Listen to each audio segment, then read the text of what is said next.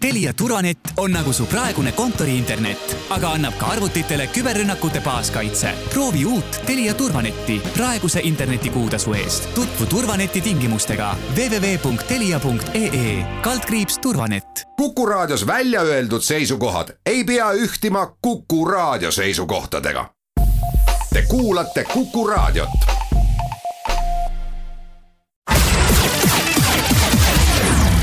nädala Tegija.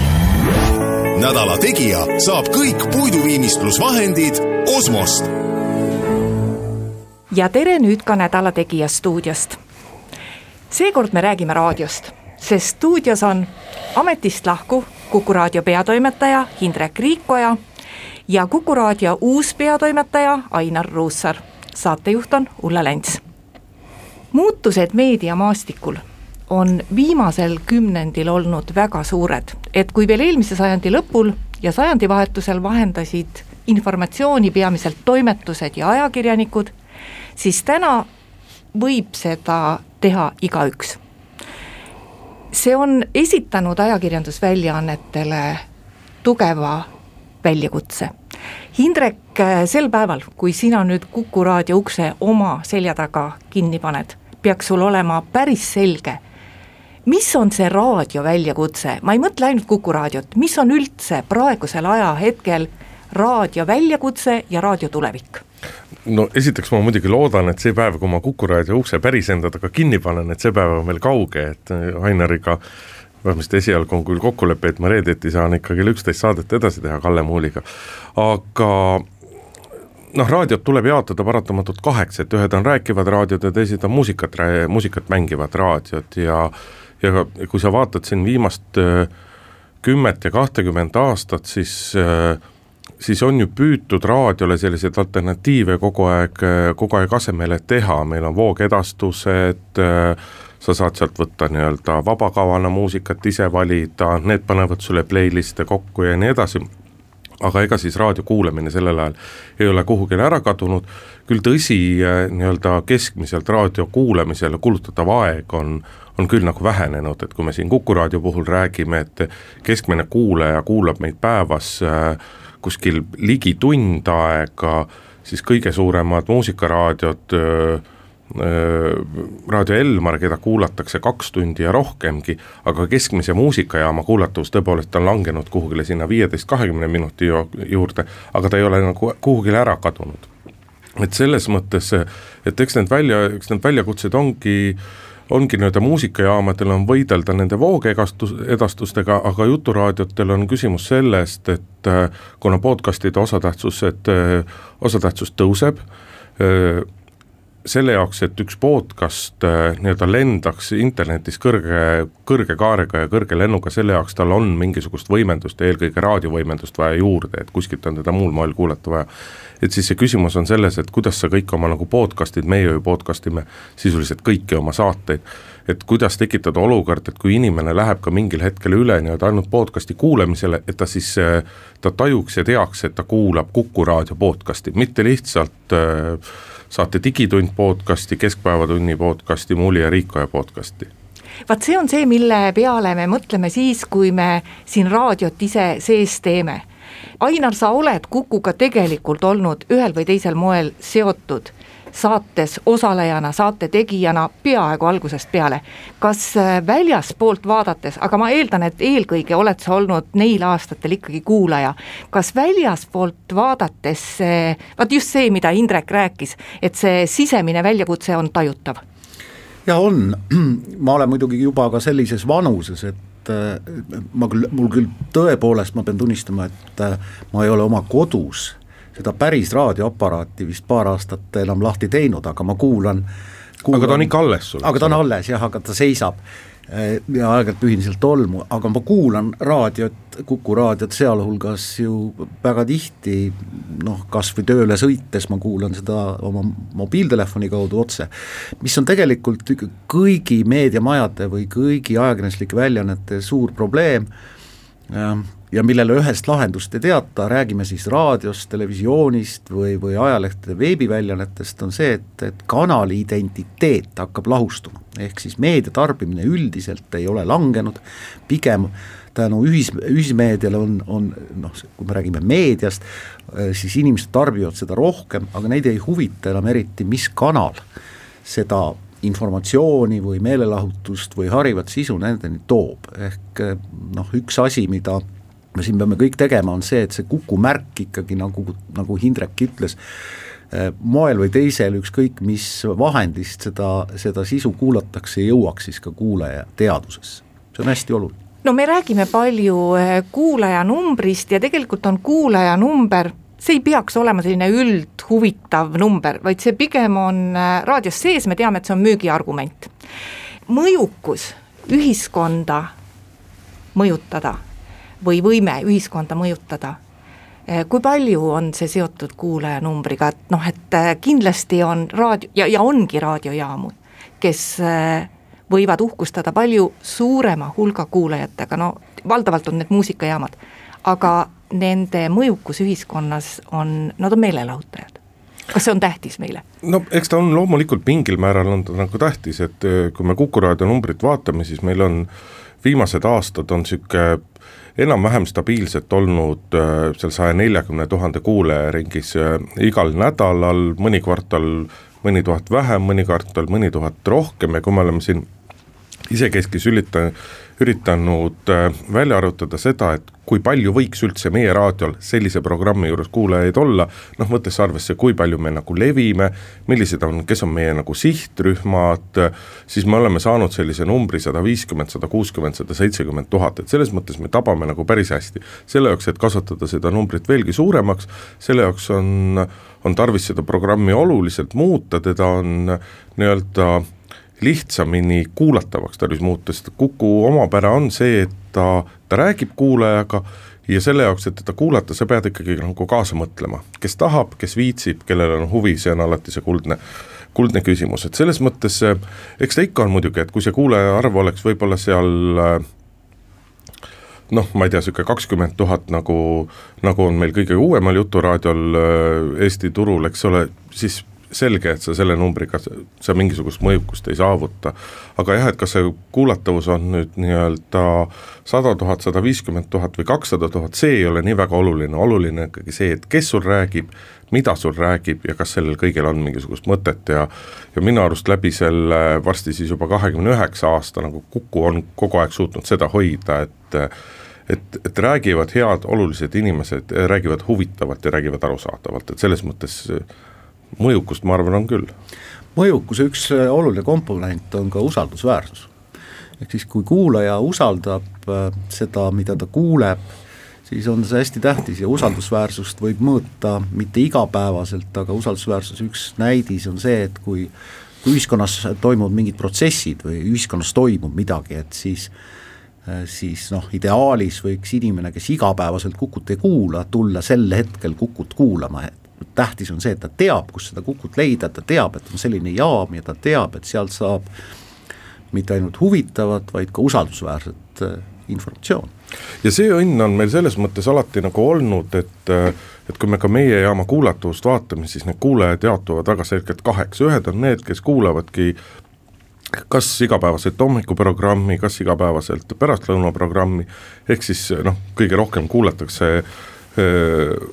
raadiot ikkagi ja, ja seeläbi ka Kukut alati autos, eks ole, et kellel on see harjumus olemas ja siis need kuulajad, kes tulevad kuulama spetsiaalseid saateid ja ja kui uuringus vaadata, siis noh, üks kvartal ühte, teine kvartal teistmoodi, aga see on ikkagi läbiv trend, et see, et sa saad nii palju kui võimalik, sa võid näha seda, et, et see kuulaja muutub nii-öelda päeva lõikes väga palju. me teeme siinkohal oma jutuajamisse väikese pausi ja läheme hetke pärast edasi. Nädala Tegija. nädala Tegija saab kõik puiduviimistlusvahendid Osmost. nädala Tegija saade läheb edasi, stuudios on ametist lahkuv Kuku peatoimetaja Hindrek Riikoja ja Kuku uus peatoimetaja Ainar Ruussaar kui me enne reklaamipausi jäime oma jutuga pooleli selle koha peale, et vaat kui kuulaja vajab informatsiooni, mis oleks tõene, mida tal on kohe vaja, et siis ta võib-olla eh, hakkab minema just selle väljaande või selle kanali peale, kus eh, ta usub, et see informatsioon on kiire ja usaldusväärne. kui te vaatate nüüd mõlemad Indrek Kuku raadio pikaajalise peatoimetajana ja Ainar erinevate väljaannete nii juhtimise juures kui ka, kui ka sees tegev olevana ja ka noori inimesi õpetava inimesena, et kui te vaatate seda pilti, kuidas see informatsiooni otsimine käib, et et kust seda usaldusväärset ja kiiret informatsiooni inimene, kas meil on olemas mingid uuringud, kust seda võetakse, sest ma tuletan meelde, kui mina Kuku raadios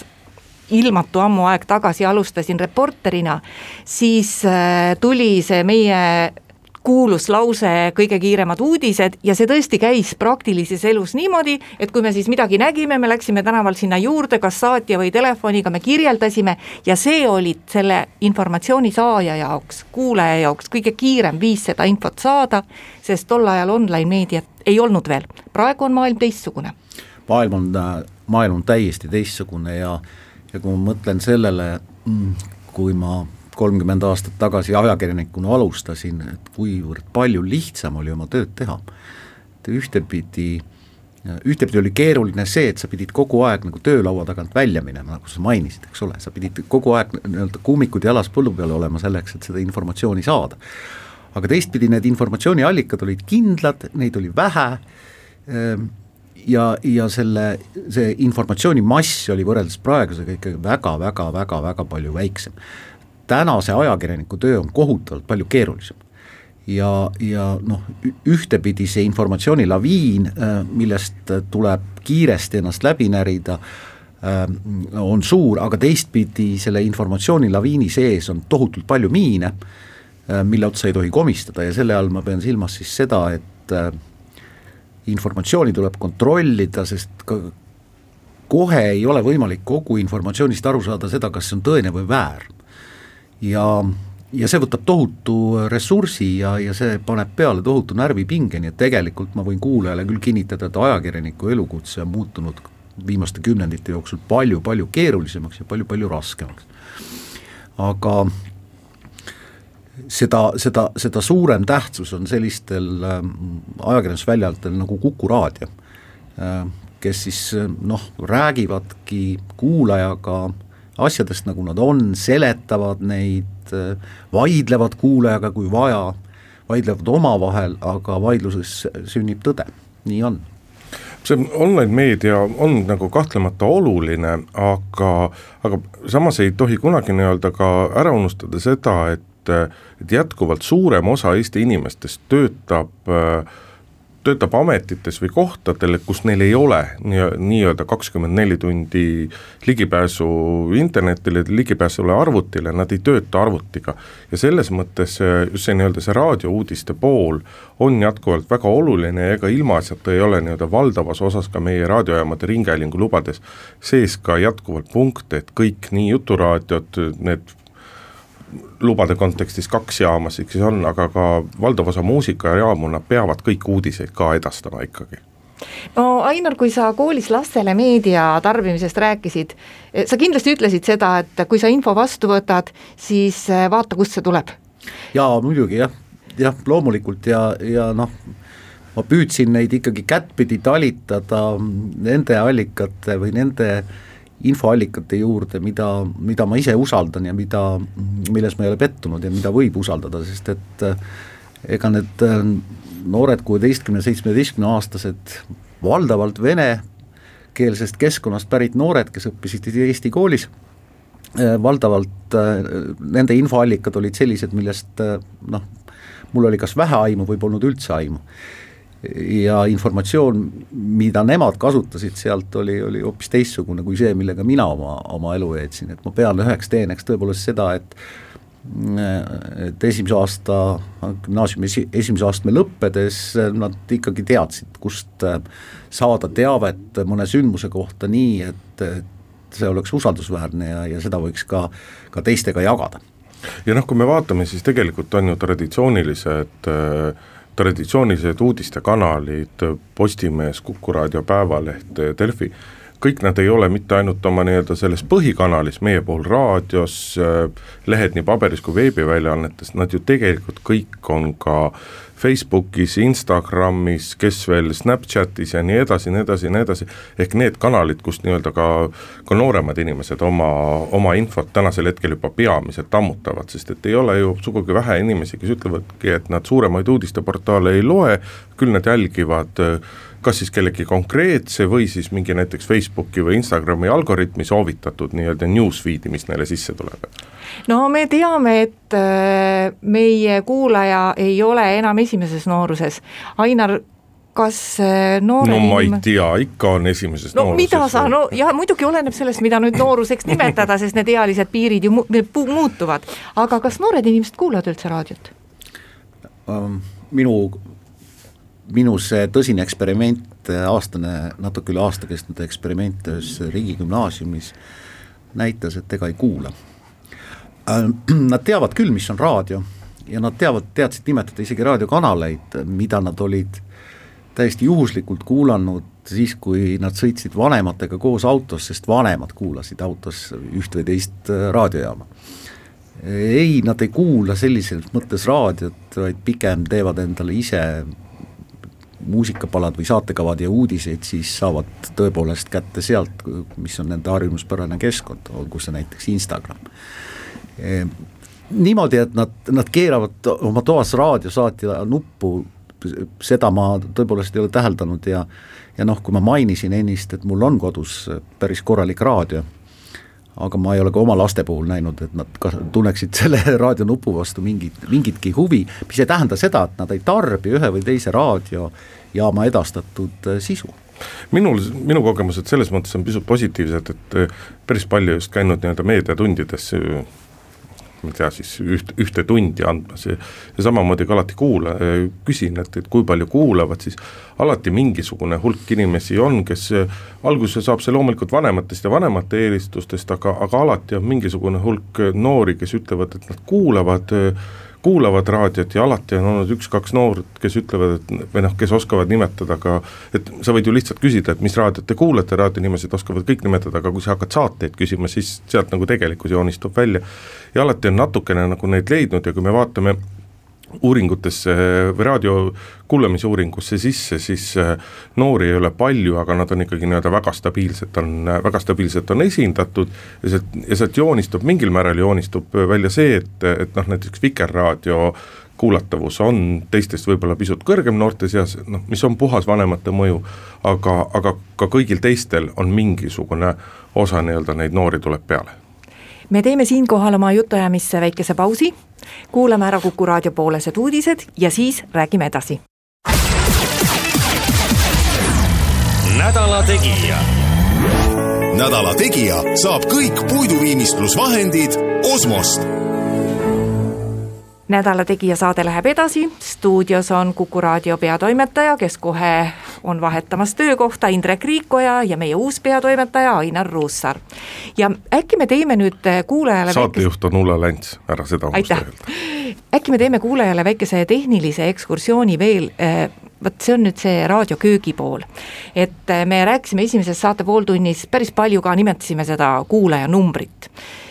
see raadio, mis tulebki sealt raadioaparaadist, vaat seda raadiot saab kuulata siis, äh, kui äh, see heli, see konkreetse jaama heli sinu raadioaparaati jõuab. Kuku võitleb äh, iga ringhäälingu loa pärast, ehk siis selleks, et erinevas Eestimaa paigas eetris olla, kuuldav olla, selleks me peame tegema taotluse, et saada seal paikkonnas ringhäälingu luba ja siis komisjon otsustab, kas me saame või mitte. Indrek, kui hästi me Eestimaal üldse kuuldavad oleme? see süsteem on jah, raadio on selles mõttes nagu väga reguleeritud valdkond, et et sagedusalad, sagedused, kõik on nii-öelda, need on loetud hulk Eestis, see on täpselt reguleeritud ja iga viie aasta tagant antakse uuesti välja ringhäälingu load, kus on siis kus on siis väga täpselt määratud, kus sa saad levida, kui võimsad mastid sul võivad olla, kui kõrgel võib sinu saatja olla merepinnast ja, nii edasi, et kui me siin kuue aasta eest Ida-Virumaale lõpuks jõudsime, siis siis väga mitmed Ida-Virumaa kanalid helistasid, tegid minuga selle puhul intervjuu ja küsisid, et miks Kuku raadio alles nüüd Ida-Virumaad nii tähtsaks pidas, et siia tuli ja siis ma sain kõigile rääkida, et me oleme ammu tahtnud tulla, aga meile ei ole sagedust eraldatud. Aga, aga et, et kuidas see süsteem nii-öelda nagu täpselt käib mõtlesid sa? ma tegelikult tahtsin siit edasi minna hoopis ühe teise teema juurde, ma tahtsin edasi küsida teie käest, et kas see on õiglane? et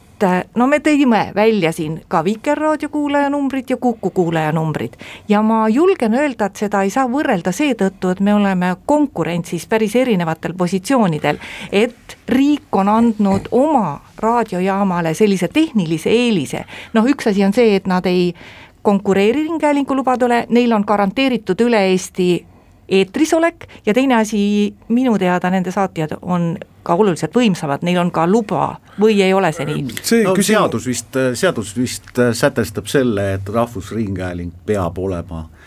kättesaadav igas Eesti punktis, muidugi ka, ka nende puhul on, on valgeid laike, kus, kus tõepoolest no sisuliselt ikkagi no, sisuliselt ei ole, ole, Piirissaare on selline nii-öelda keeruline aga, koht. aga ega ega, ega Rahvusringhääling ei levi ka tasuta, et see on see, see, et signaali läbi õhu kuulajani või vaateni viia, see on päris kallis, päris kallis teenus. ja noh, ma ei oska öelda, millal on see päev, kui läbi õhu signaali enam, enam kuulajani või vaatajani ei tule, aga ma arvan, et see päev ei ole homme, see päev ei ole viie aasta pärast ja see päev ei ole ka kümne aasta pärast, nii et see on tegelikkus, millega me peame ikkagi ikkagi mõnda aega, aega elama. jah, see tulevik on, on küll asi, millest võiks nii-öelda eraldi rääkida, aga jah, Kuku raadio, noh meie levime tänasel hetkel no circa kaheksakümne protsendil Eesti territooriumil, osadel päevadel on levi natuke parem, teistel päevadel levi natuke kehvem, sõltub kuidas ilm on, kui palju pilvi taevas on ja nii, ja nii edasi, et raadio kipub paremini levima siis, kui ilm on pigem selline sombune, sellepärast et siis peegelduvad pilvede pealt lained uuesti alla. aga see Rahvusringhäälinguga nii-öelda vaidlus ja võitlus on, on, see on kõigil nagu pidev sest et Eesti on territooriumilt niivõrd väike, et ja meil on hästi suur nii-öelda piiriosa, kust igalt poolt ju tulevad teistelt riikidelt ka samad sagedused vastu ja seal on siis rahvusvaheline kok-, rahvusvahelistes kokkulepetes on küsimus, et et eks eraringhäälingud on kogu aeg rääkinud sellest, et Rahvusringhääling võiks väga selgelt oma sageduste, sageduste ressursi ja võrgu üle vaadata, sellepärast et väga suurel osal Eesti territooriumist ju tegelikult Rahvusringhäälingu raadiojaamad levivad levivad kahel sagedusel ja üksjagu punkte leiab ka Eestist, kus sul Vikerraadiot, Raadio nelja või, või Raadio kahte on võimalik kuulata ka isegi kolmelt sageduselt nagu korraga. ja, ja nagu Ainar õigesti ütles, et ega see on ka Rahvusringhäälingule väga suur kuluartikkel, et kui sealt nii-öelda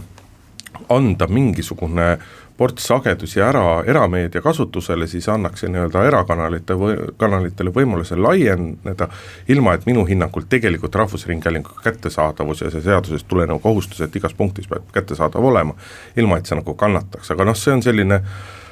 see on selline asi, mida niikaua, kui mina siin üle pisut pealt üheksa aasta olen olnud, on kogu aeg räägitud, küllap räägiti sellest ka ennem seda ja räägitakse ka nii-öelda pärastpoole. jah, ja samas on ikkagi selliseid halemaljakaid kogemusi, noh näiteks äh, Ehm, minul on korduvalt juhtunud seda, et äh, kui ma autos Eesti raadiokanalit kuulates hakkan lähenema Narvale, siis äkki tuleb väga jõuliselt sellele Eesti kanalile sisse Vene keskvõimu kontrollitud kanal Majak ei no aga see, neid kohti leiab nagu igalt poolt, siinsamas meie oleme siin Tartu maanteel, eks ole, et siin see bussijaama suur ristmik, see on näiteks üks kuulus koht Tallinnas, kus, kus kohas nii-öelda levi on väga kehva, sellepärast et tulevad mingisugused varjed ette et teletornile ja, ja ka kosmoseristmik on niisugune koht, kus on nii-öelda väga, väga kehva levi ja et selliseid kohti muidugi tuleb pisut nagu igalt poolt ette. kas see on Euroopas tavaline, et äh, nagu meil Eestis on, et riik on otsustanud, et ta ei konkureeri trükimeedias, aga ta konkureerib televisioonis ja ta konkureerib raadios erakanalitega. ega mul ei tule ausalt öeldes küll praegu meelde ühtegi riiki, kus oleks oma, kus oleks nii-öelda rahvusringhäälingu sarnane moodustis trükimeedias aga Rahvusringhääling on Euroopa Liidus küll kindlasti olemas kõigis riikides. on jah, aga siin on muidugi äh, aga seda tunneb siin on riigiti, riigiti väga suured erinevused ja noh, üks samm, mida Eesti tegi õnneks piisavalt äh, varakult, oli äh, noh, otsese reklaami keelamine Rahvusringhäälingus, ehk siis see, see olukord, kus Rahvusringhääling tegelikult trügis erameedia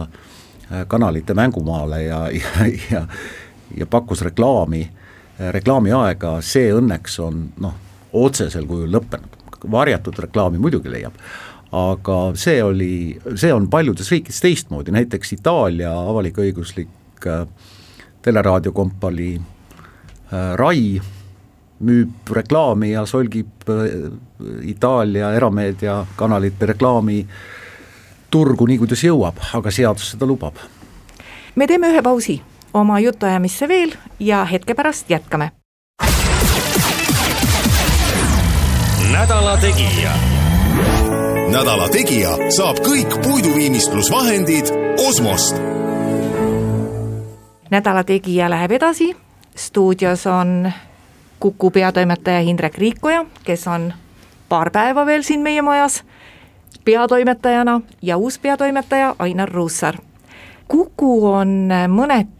unikaalne ka seetõttu, et rääkiv raadio, mis töötab kommertsalustel, ei ole Euroopas ju väga tavaline ei ole väga tavaline, praeguse seisuga Euroopas peaks olema kas vist äh, kas vist kuus või seitse äh, juturaadiot, mida tehakse ainult äh, reklaamiraha eest. ja tänasel hetkel võib vist küll öelda, et kõik nad on on, on, on pigem nii-öelda nagu miinuse poole peal ja see põhjus on nagu väga lihtne, et sul on võimalus ju teha, sul on võimalus kakskümmend neli tundi programmiga raadiot, kui see on muusikaraadio, automaatjaam, kus, kus ei ole uudiseid, kus on ainult muusika ja reklaam pausid, sul on piltlikult võimalus seda teha nii-öelda nagu poole kohaga ehk, ehk poole inimese, poole tööajaga. aga, aga Juturaadiol on alati suured kulud seoses äh, selle raadio tegemisega, sest et inimesi käib palju, noh,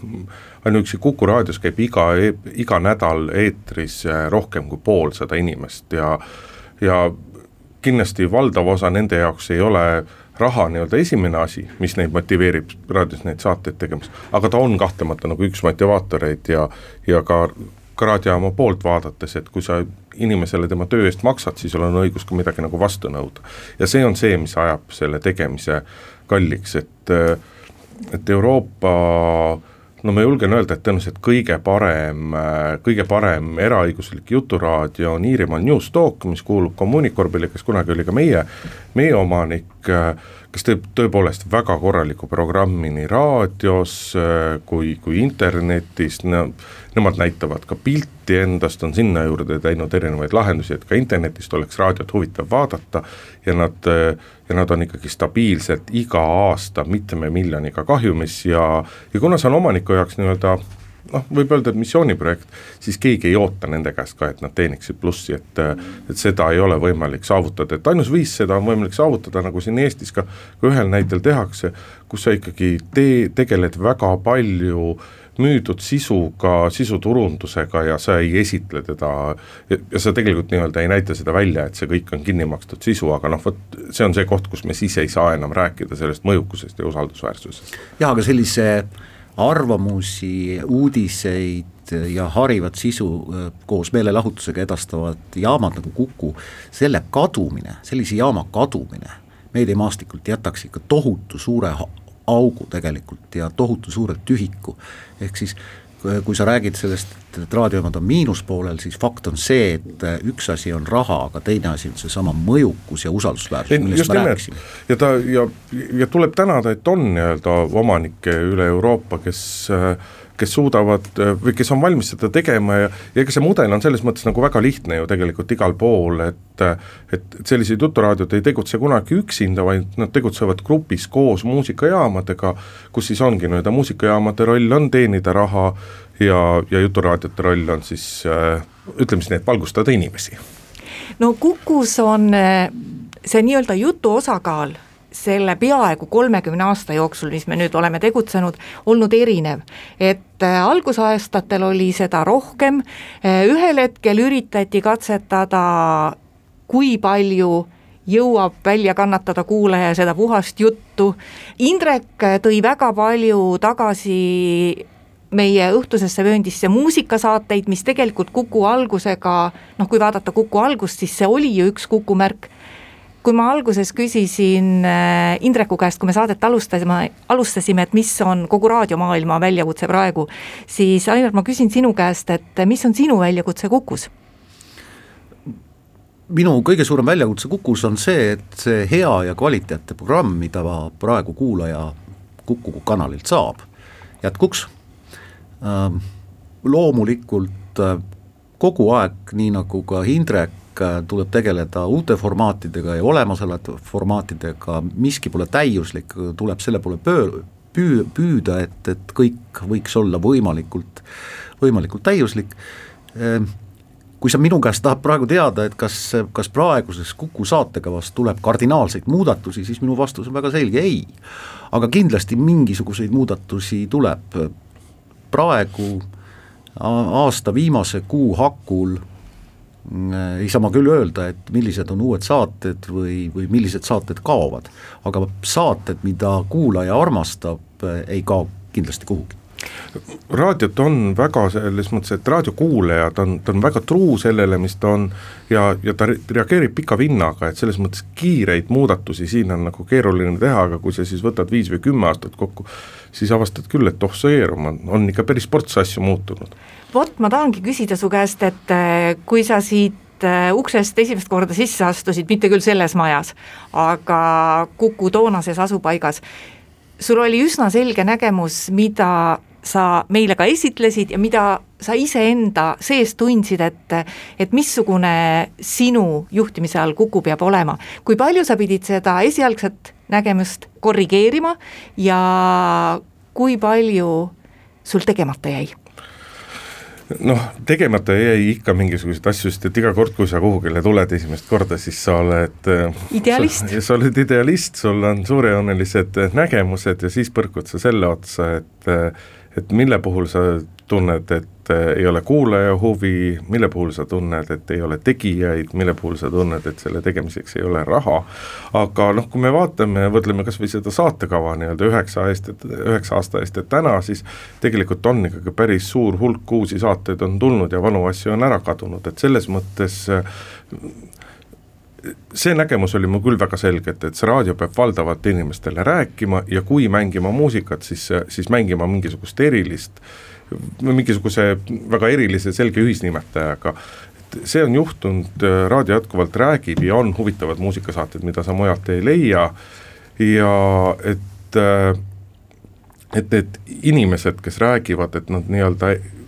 esindavad seda võimalikult nii-öelda võimalikult laia ülevaadet sellest, millise maailmavaate, milliste mõtetega inimesi on, et seda leiaks ka raadios ja, ja seda Kuku raadios õnneks jätkuvalt veel on, et äh,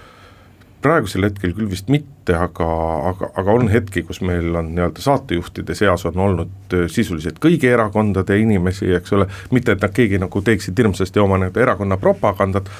aga eks erakondlik kuuluvus näitab ikkagi mingil määral inimese maailmavaadet ja see tema jutus ja nägemustes peegeldub. et selles mõttes, et see lai arvamuste palett on Kuku raadios olemas, et see mulle meeldib kõige rohkem ja lõpuks ma küsin selle küsimuse, mida eh, tavaliselt küsivad Kuku raadio toimetuse töötajad alati uuelt peatoimetajalt, Ainari käest küll ei küsitud, aga küll nad küsivad. et kui me räägime siin kogu aeg, et noh, et me edastame seda informatsiooni, mis on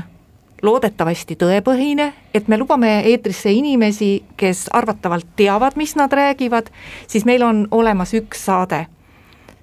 Vox Populi mille puhul me lubame eetrisse kõik emotsioonid. Ainar, kas see on õigustatud ja kas see formaat jääb? ja, ma ütlen siia vahele, et Vox Populi on, on Eesti meediamaastikult täna viimane nii-öelda eelmodereerimata arvamusplatvorm no selliseid Vox Populeid on, on teised jaamad ka katsetanud ja ma, ma pean tunnistama, et ma olen selle üle väga palju mõelnud, ma olen seda Vox Populit väga palju kuulanud, ma olen äh, ma olen selle rubriigi puhul sageli hoianud mentaalsest valust, aga aga ma ei oska sulle öelda, tegelikult kui see, kui see Vox Populi rubriik oleks, kui te, kui seda rubriiki oleks võimalik laiendada, ehk siis ka see, see nii-öelda üleüldine arvamusplats ja need inimesed, kes sinna seal sõna võtavad, et neid inimesi oleks natuke rohkem ja natuke äh, erinevates värvides, siis ma arvan, et see vihastav või rõõmustav või kaasa elama panev igal juhul rubriik on, on vajalik et esimene eesmärk on see, et neid inimesi, kes seal arvamust avaldavad, neid oleks rohkem. aitäh, Indrek Riikoja ja Ainar Ruussaar, seda tundi siin Kukust rääkides ja raadiost rääkides tegemast, saatejuht ütleb kuulajatele ka aitäh kuulamise eest ja järgmine Nädala Tegija eetris juba nädala pärast, kuulmiseni. Nädala Tegija. Nädala Tegija saab kõik puiduviimistlusvahendid Osmost